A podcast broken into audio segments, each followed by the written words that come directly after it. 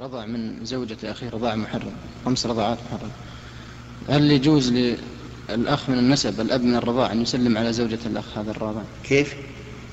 رجل نعم. رضع من زوجة أخيه نعم.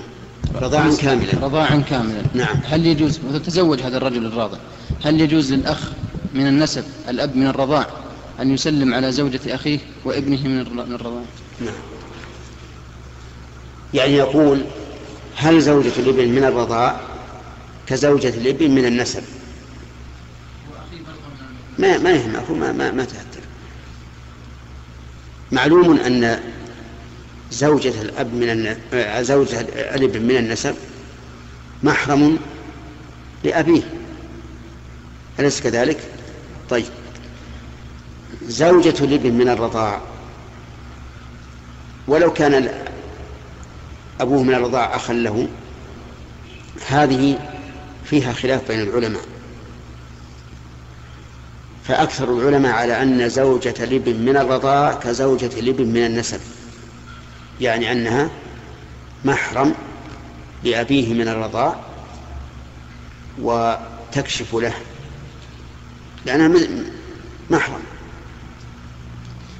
واختار شيخ الإسلام رحمه الله ابن تيمية أنها ليست بمحرم.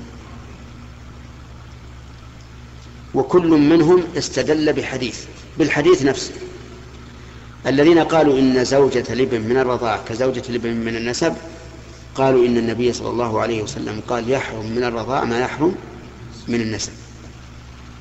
وشيخ الإسلام رحمه الله الذي قال إن زوجة الابن من الرضاع ليست كزوجة الابن من النسب وأنها ليست محرما لأبيه من الرضاع وأنه يجب عليها أن تحتجب عنه ولا يجوز أن يخلو بها استدل بقول النبي صلى الله عليه وسلم يحرم من الرضاع ما يحرم من النسب. واستدل بقول الله تعالى وحلال وأبنائكم الذين من من أصلابكم. أيهم في نظركم أقرب؟ ها؟ كيف يكون أقرب؟ وزوجة ابنه من النسب حرام؟ إذا زوجة ابنه من الرضاع حرام. يحرم من الرضاع ما يحرم من النسب. نعم.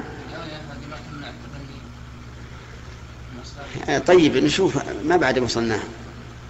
نقول نسأل زوجة الابن هي حرام على أبيه من النسب ولا حرام من الصهر من الصهر ليس بينه وبين أبيه نسب.